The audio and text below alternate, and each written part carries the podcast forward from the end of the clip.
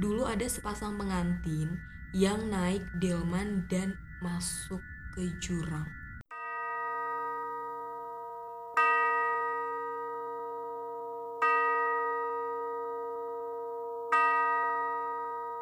Assalamualaikum warahmatullahi wabarakatuh.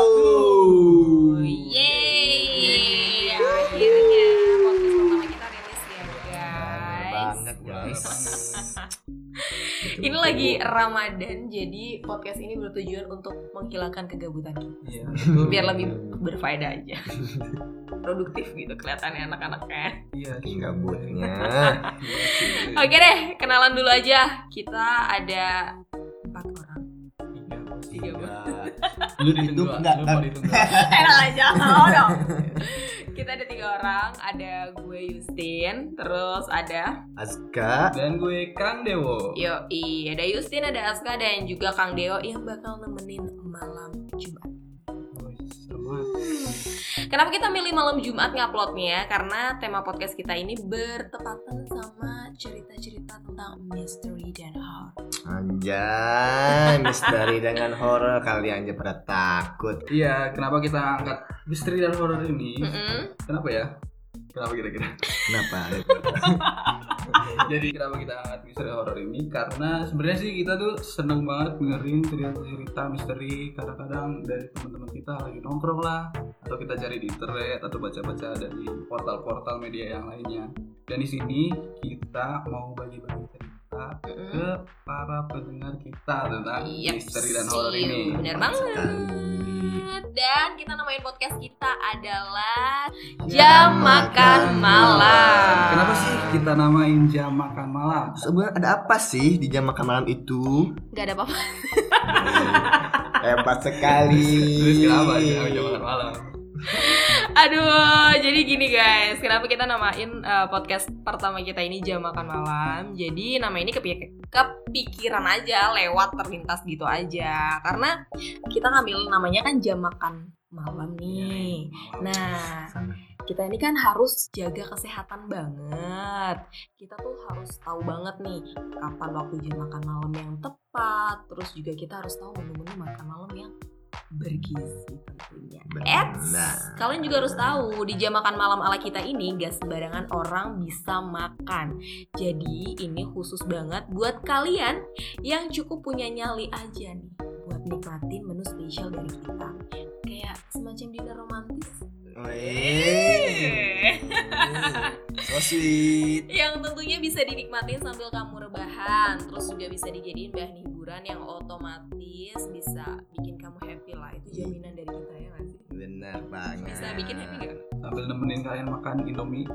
Wih, pakai telur gitu ya. Pakai cengek. sponsor dong Sponsornya jangan lupa. nah dan harus diingat juga nih buat kamu yang baru dengerin podcast kita ya iyalah baru dengerin orang ini podcast pertama gimana sih lupa Dinda kan? Jadi eh, jam makan malam ini tuh spesial banget. Bener banget, jam makan malam ini sangat spesial dan kalian harus siap-siap karena menu kali ini bisa bikin kalian olahraga jantung. Wow. Dan bisa bikin kalian nggak bisa tidur. Lebay banget. Oke deh karena uh, tadi Aska bilang kalau misalnya podcast kita ini bakal bisa Bikin jantung kita. Iya, lebay banget. Lebay banget. Ah ya namanya juga cerita horor ya. Otomatis pasti kalau bisa kamu menikmatinya apalagi diresapi sendirian gitu kan. Waduh, itu bakal bikin jantung kamu makin deg-degan. Bener sekali. iya dong. Daripada dideketin gebetan mending kamu dengerin cerita kita bikin jantung lebih deg-degan punya bos. Abis ini nyari ya boy Jangan jadi Sabar ya, gitu dong sabar ya, sabar ya. Apa horor horor. Oke deh, eh, kita mau ngambil yang ringan-ringan dulu. Tema podcast kita kali ini tentang urban legend. Bener sekali. Gini guys, ceritanya sih bakal menarik banget ya. Iya dong, otomatis. Buat tema podcast kita yang pertama, mungkin kita ambil dari yang ringan-ringan aja dulu ceritanya, bener nggak? Iyo, i ngomongin soal urban legend nih. Ada yang mau jelasin dulu kan? Eh, apa? gue deh, gue deh. Jadi gue jelasin dulu ya. Sebenarnya urban legend itu sendiri adalah semacam kayak mitos atau legenda atau Hmm. cerita di masyarakat Oke. yang biasanya tuh cerita-ceritanya eh, sering banget dipercaya secara luas sebagai suatu kebenaran. Oke. Nah, kebanyakan urban legend sih berkaitan sama kisah horor, mistis ya zaman-zaman dulu sih. Eh, horor sama mistis kan ya, erat banget kaitannya sama kehidupan gitu kan. Iya. Jadi sepengetahuan gua nih, ada urban legend yang berkisah tentang humor dan kadang-kadang memiliki Pokoknya kayak nggak nggak selalu enggak horor gitu. enggak. Terus ada kisah-kisah berpengalaman juga di balik dari kisah itu. Kayak gimana tuh kayak? Kayak mungkin uh, maling kundang gitu, kayak uh, durhaka. Cerita rakyat gitu ya. Iya, durhaka sama Mamanya mamanya. uh, jadi batu kan. Pandai kau jangan durhaka Batu cantik. Dan uh, juga guys, intinya bisa disimpulin kalau si urban legend ini cerita yang bisa berkembang dari mulut ke mulut. Tapi kadang ada yang benar-benar sampai percaya loh kalau cerita-cerita ini tuh cerita-cerita di urban legend itu bener adanya gitu. Nyata. Soalnya kan urban legend cuma dari mulut ke mulut ya berkembang aja. Jadi karena mungkin ini ceritanya cuma kayak dari mulut ke mulut gitu kan. eh, jadi tentang benar atau enggaknya ini masih diragukan kayak gitu deh. Segimana pendengar saja sih. Yo dan kali ini kita bakal bawain urban legend di daerah tempat tinggal kita sendiri. Di mana guys? Pandeglang. Pandeglang Moto perjuangan. Hai, apa Pada banget itu. satu lama kayak dia dangdutan gitu. Bisa dugem ya. Lu buka-buka ya? Dong. buka-buka ya? Kita harus ingat moto Pandeglang berkah apa guys? Ber- Eh berkah? Ada sih berkah itu paling. Foto perjuangan itu. Bambang. Jadi for your information aja yang gak tahu Pandeglang itu kotanya kayak gimana. Kotanya kalau di peta tuh di bagian ujung gitu loh. Bagian ujung peta lah ya, di Pulau Jawa. Pulau Jawa. Ujung Pulau Jawa. Nah, ini merupakan kabupaten yang ada di Provinsi Banten. Banten, ya. Yoi. Dan kenapa sih namanya Pandeglang? Gitu, cenah.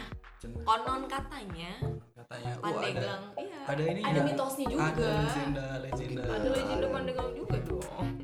Jadi konon katanya dulu Pandeglang itu banyak eh, abang-abang pandai besi. Tukang pandai Oh, besi. Pandai, pandai itu Pandai. besi ya. Iya, pandai besi gitu. Pintar pakai besi. Eh, salah. Kayaknya enggak juga. Ternyata garing. Mohon maaf, guys. Sini gimana? Kayaknya abu Jadi- ya. Jadi itu dulu ada eh, banyak banget di daerah Pandeglang ini orang pandai gelang gitu. Jadi orang pandai kayak bikin perhiasan kayak gitu lah. Jadi dinamain lah Pandeglang gitu deh. Jadi aku mau sedikit ngasih tahu aja nih buat kamu kalau misalnya bosan sama hirup pikuk perkotaan, yoi, mending kalian liburan aja ke kota kita. Iya dong, kita bangga-banggain dulu kota kita. Jadi di kota kita ada apa sih? Ada apa? Ada apa? Eh, Ada rumah kita. di- Gak eksotis banget. Jadi di Pandeglang itu eh, banyak banget tempat-tempat yang menarik Oke. buat kalian datengin. Salah satunya itu ada yang hits nih. Eh, ada Tanjung Lesung, Iya dong. terus ada Ujung Kolon, yaitu daerah konser konservatif, konser Pas. konservasi ya terus ada Pulau Oar dan tentunya juga masih banyak lagi sih Iya. Ya benar sekali. Nah guys, berhubung kita tinggal di sini dan ini memutuskan membuka podcast podcast pertama kita dengan tema urban legend di tempat kita, maka tema urban legend itu tempatnya di Pandeglang. Pandeglang mantap sekali. Gitu deh. Jadi kita mau nyeritain cerita horor urban-urban legend yang berkembang di masyarakat yang eh, ada di kota kita sendiri. Yo, Mantap betul banget sekali. betul Jadi stay tune, dengerin aja. Oke, langsung aja. Cerita pertama ini datang dari daerah perkotaan di Pandeglang. Asik banget kan ceritanya? Karena ini tuh cerita yang eh, ada dan berkembang sampai sekarang di daerah perkotaan Pandeglang gitu. Apalagi daerah kota kan identik sama tempat yang padat, udah Oke. banyak lampu lah ya. Seenggaknya udah nggak ada hal-hal creepy, tapi ternyata masih ada nyimpan hal-hal creepy kayak gini. Nama daerahnya adalah Kabayan. Oh Kabayan, gue pernah tahu tuh Kabayan. Tapi ada apa sih sama Kabayan? Bentar-bentar. Jadi mungkin ya ada pendengar kita yang bukan dari Pandeglang, mungkin sebaiknya kita kasih tahu dulu tuh Kabayan itu di mana sih sebenarnya? Jadi Kabayan itu gampang banget diaksesnya. Kamu tinggal eh, patokannya intinya adalah pasar Pandeglang. Itu Ya, di kan? pasar. Ya Hmm. di pasar Pandeglang itu kan ada itu loh belokan yang angkot-angkot itu loh. Ya, tahu. Nah di belokan angkot-angkot itu kamu tinggal masuk aja, terus Hmm. lurus ngikutin jalan itu. Hmm. Nanti kamu mentok tok tok tok mentok ada belokan, ada jembatan kecil. Hmm. Ada jembatan kecil belok ke kanan. Kanan. Nah, jembatan kecil belok ke kanan di sepanjang jalan itu dinamain eh, daerah Kabayan. Oh, berarti masih ini ya, masih daerah kota lah ya. Iya masih kota banget Makanya ini tuh bakal jadi cerita yang menarik banget tuh Karena kabarnya di daerah Kabayan ini ada dua urban legend Wah, gila. Ada Mak Yanti sama ada Delman Pengantin Gila. Guys, bakal seru banget nih. Satu daerah tapi punya dua cerita. Delman Pak Kusir Hmm, makanya bekerja. Makanya makanya kalian harus dengerin baik-baik Simpan kelucuan ini ya kan Ini nggak ada lucu-lucunya sama sekali sih sebenarnya. Karena ini kita tag malam-malam Jadi kayak Kesannya menyeramkan. Siap-siap Oke deh, eh, lanjut ke cerita ya. Karena ini tuh sebenarnya cerita yang udah lama banget gue denger dari zaman gue masih SMP dulu. Nah kebetulan gue pernah les di salah satu eh, lembaga bimbingan belajar di daerah Kabayan itu. Dulu sih gue emang cuman sekadar kayak denger ceritanya dari ibu-ibu warung tempat gue jajan dulu gitu kayak ibu ibu ibu warungnya tuh cuman bilang kayak kemarin malam ada penampakan ini loh ada suara kayak gini ada suara kayak gitu. Tapi karena emang gue dulu masih SMP gitu kan ya jadi kayak ya udahlah bodo amat lah apaan lah itu penampakan paling juga angin lalu kayak gini kayak gitu gitu. Jadi belum begitu tertarik banget sama cerita-cerita kayak gini sampai akhirnya pas gue udah masuk kuliah terus kebetulan gue punya temen di daerah Kabayan dan gue nongkrong sama teman-teman gue gitu kan. Dan gue sempat eh waktu itu gue ada ceritain lo di daerah Kabayan dan kita flashback flashback lah zaman zaman kita Oh, berarti ini tuh udah sekolah dulu. dari zaman dulu banget. udah dari zaman dulu banget. Gue taunya waktu zaman SMP Hmm. nah akhirnya teman gue nih cerita dan membenarkan adanya urban legend di daerah Kabayan yaitu Mayanti sama si Delman pengantin ini gitu Jadi lu ini ya udah lama banget tau sampai teman-teman lu aja cerita-cerita urban legend ini. iya ini tuh emang udah lama banget gitu. Jadi kan gue dengar ceritanya itu dari warga sekitar terus akhirnya berkembang dari teman-teman gue yang tadi gue ceritain ke lo nih. Dan sampai sekarang kabarnya sih kata teman-teman gue emang orang Kabayan itu kebanyakan warga di sekitar Kabayan itu bener-bener ngalamin dan ketemu atau bahkan denger suara dari si delman pengantin ini sama sosok Mayanti ini gitu gue bahas satu-satu dulu aja gue bahas dari si delman pengantin ini dulu aja deh jadi ini tuh bukan cerita soal pengantin yang romantis dan berakhir bahagia Soalnya asal muasal dari cerita si Delman pengantin ini tuh cukup tragis banget menurut gua. Mitosnya dari sumber yang gua kenal nih, dulu ada sepasang pengantin yang naik delman dan masuk ke jurang. Wow. Yang kalau kalian tahu dan kalian lihat sekarang itu bentuknya udah bukan jurang lagi gitu. Karena sekarang udah ada tangganya. Bentar-bentar, ada tangganya. Berarti yang pas belokan itu dong ya. Ya kalau kita lihat sekarang sih di bawahnya pun udah banyak rumah warga loh. Iya, emang pas di daerah belokan situ dan emang sekarang kan emang wajar lah, maksudnya itu daerah perkotaan dan udah Hmm. banyak rumah warga gitu loh. Iya sih.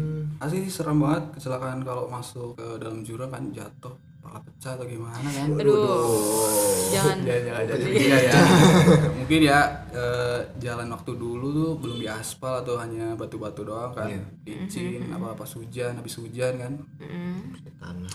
masih ketutup tutup Iya, sama. masih ada banyak pohon Benar. juga kan di pinggir-pinggirnya. Nah kalau dilihat sekarang kan emang udah daerahnya emang udah padat gitu kan guys, jadi emang udah nggak seserem dulu, cuman sampai sekarang tuh mereka warga-warga di sana tuh masih percaya bahwa cerita ini tuh bener bener bener emang nyata adanya gitu katanya. Kalau kata temen gue sih yang emang tinggal di daerah Kabayan itu, yang sebagian orang emang bisa interaksi sama makhluk halus. Kalau misalnya malam-malam tuh suka denger suara lonceng delman sama langkah kaki kuda asli. Itu serem banget sih malam-malam sepi-sepi tiba-tiba lu denger suara delman sama loncengnya padahal zaman sekarang kan di daerah kita nih ya Pandeglang apalagi daerah kita kan naik turun gitu kan Hmm. jalanannya jadi udah jarang banget gitu delman Anjir. Merinding gua. Tapi sih eh, si Delman itu emang cuman jalan di daerah Kabayan doang atau dia tuh muncul pas di pinggir jalan kayak parkir mobil gitu? Enggak enggak. Jadi si delman ini tuh katanya yang udah pernah lihat ya yang udah nampakin itu tuh eh, dia tuh jalan dari depan jurang itu. Kalian tahu kan? Dari depan jurang itu. Iya. dan nanti tuh bakal hilang sendiri di perempatan yang kalau belok kanan itu arah alun-alun. Jauh kan? Dia hilang gitu aja di perempatan jalan. Terus si Delman itu suka gangguin gitu gak sih? Ya, serem lah kalau ganggu-ganggu gitu mah. iya guys. Jadi dia itu emang katanya hilang gitu aja di perempatan jalan itu. Jadi kalau soal gangguin atau enggaknya sejauh ini sih gue belum dapet ceritanya ya cuman mungkin dia lebih ke nampakin aja kali beda lagi ceritanya kalau Mayanti Wah apa nih Mayanti suka ganggu-ganggu gitu nggak? Nah, kalau si Mayanti ini ya bisa dikatain kayak gitu sih kak. Mayanti ini tuh secara detail tentang kenapa dia suka di situ, dari mana asalnya, gue sih nggak begitu tahu banget ya. Karena menurut informasi yang gue dapetin itu juga terbatas. Jadi cuma sekedar tahu kata teman gue, si Mayanti ini demen banget gangguin orang di jalan. Maksudnya gangguin gimana? Ya gangguin gitu lewat di sekitar jalan Kabayan gitu wo. Kata Hmm. teman-teman gue sih kalau misalnya lo lewat jalan Kabayan itu terus kebetulan malam-malam ada nenek-nenek jalan sendirian pakai payung warna hijau dari atas sampai bawah dan bajunya juga warna hijau mending lo langsung hindar aja deh Jadi intinya identitas si Mayanti itu semuanya berwarna hijau ya, dari bajunya sampai payungnya juga. Mm-mm, bener banget kak. Jadi eh, dia itu katanya sering gangguin orang yang lewat di jalan Kabayan itu. Kayak minta tolong dianterin, kayak gitu-gitu deh. Cuman sekedar nyodorin payungnya aja, kan creepy banget gak sih?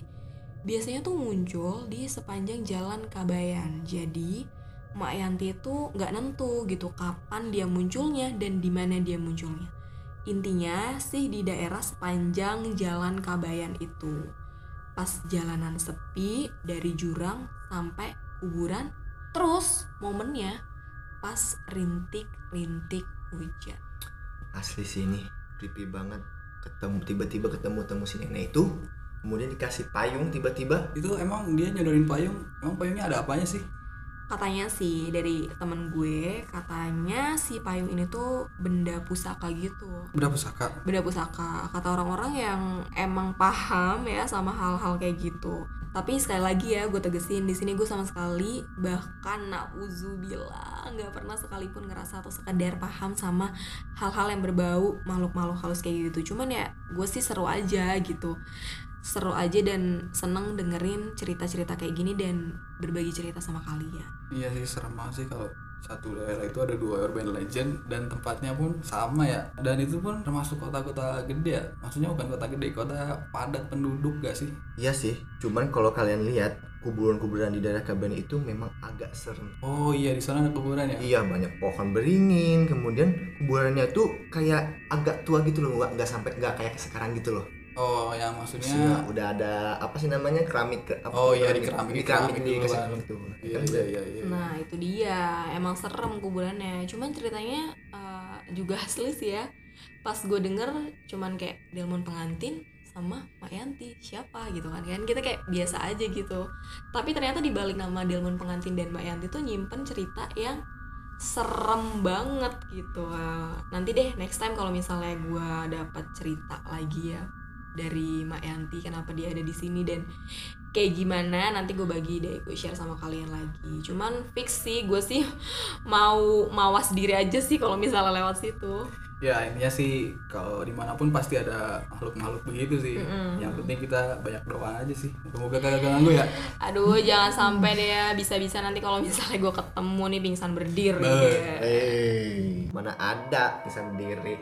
udah pingsan tuh banyak macam-macamnya. Duduk berdiri jalan-jalan banyak hello Oke oke. Mungkin. Eh, back to topic dulu nih. Back to topic guys. Eh, selanjutnya itu ada cerita dari gua. Mm-mm. Ini cerita gua nih eh, menurut gua itu agak lebih creepy nih. Kalau menurut gua ya. Hmm. Oke, tapi letaknya masih di daerah Pandeglang loh, di Iya. kota atau di mana nih? Iya masih daerah. Kalau menurut gua sih ini masih daerah kota ya. Jadi eh, ah, tapi agak agak lebih eh, agak lebih ke barat dari kota Pandeglang. Jadi ceritanya itu ada di daerah Kuranten, lebih tepatnya itu di Stadion Badak Pandeglang. Jadi di Kuranten sebenarnya itu sebelum Stadion Badak ya. Mm. Di situ tuh ada gedung tua. Itu tuh gedung namanya dulu namanya Asrama Haji.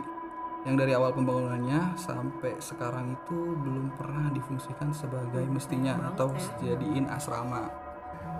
Sayang banget kan. Nah, Mm. jadi gue dapet cerita ini tuh dari portal media yang menceritakan tentang si gedung asrama haji ini.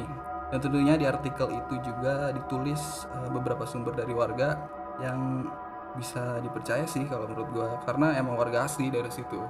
Tapi setahu gue ya, Wo, gue juga pernah sempet tahu gedung asrama haji itu kayaknya tuh sekarang udah dialihfungsikan nggak sih? Ya, jadi eh, kemarin-kemarin sih gue cek menurut gua eh, gedung itu tuh sebenarnya udah jadi kalau sekarang ya jadi gedung dinas lingkungan hidup. Nah Iya. iya, terus Jadi sebenarnya gedung dinas lingkungan hidup itu baru cuman dipakai satu gedung gitu loh. jadi yang bagian mananya? Bagian belakangnya, jadi kan ada beberapa gedung tuh. Iya. Nah, yang dibak yang dipakai jadi Kantor? kantornya itu cuma depan doang. Jadi Oh iya. gedung-gedung yang belakang tuh nggak dipakai. Jadi nggak nggak pure dipugar semua. Mm-mm. Nggak dipakai semua berarti ya.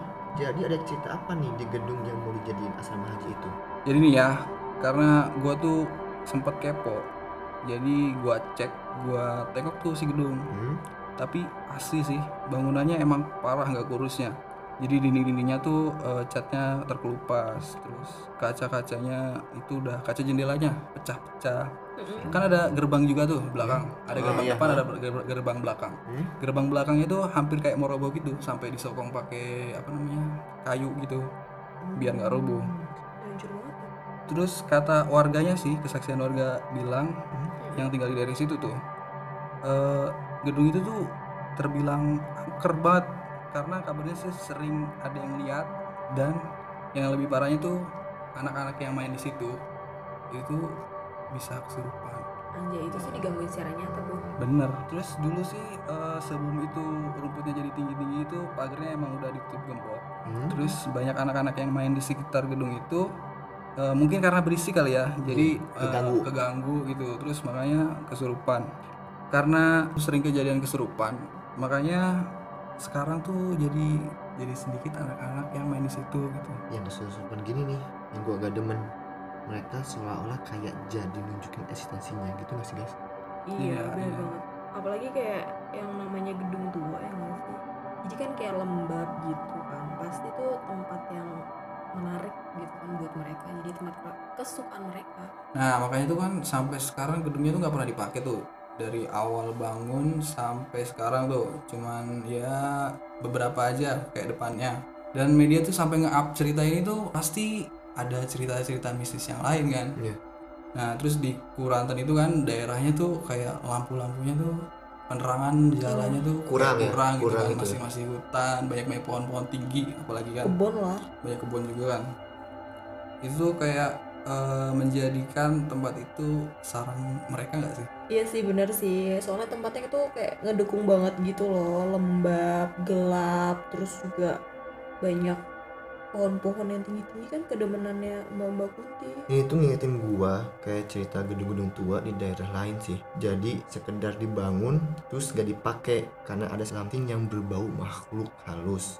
Kayak cerita gedung Menara Saidah tahu nggak kalian di Jakarta? oh iya tahu tahu tahu tapi kalau menurut gua nih kak Hmm? eh, bedanya itu kalau Saida tuh kan nggak kepakainya karena emang struktur bangunannya yang nggak bagus Bukan kan jadi miring gitu Iya, kan miring agak miring. nggak miring. Nah kalau ini gedungnya mungkin bagus cuman nggak kepake aja. terus nggak keurus apalagi tempatnya kan daerahnya kayak masih masih hutan lah. Iya, masih lah. masih kan masih hutan kan rumah-rumah warga juga sedikit lah.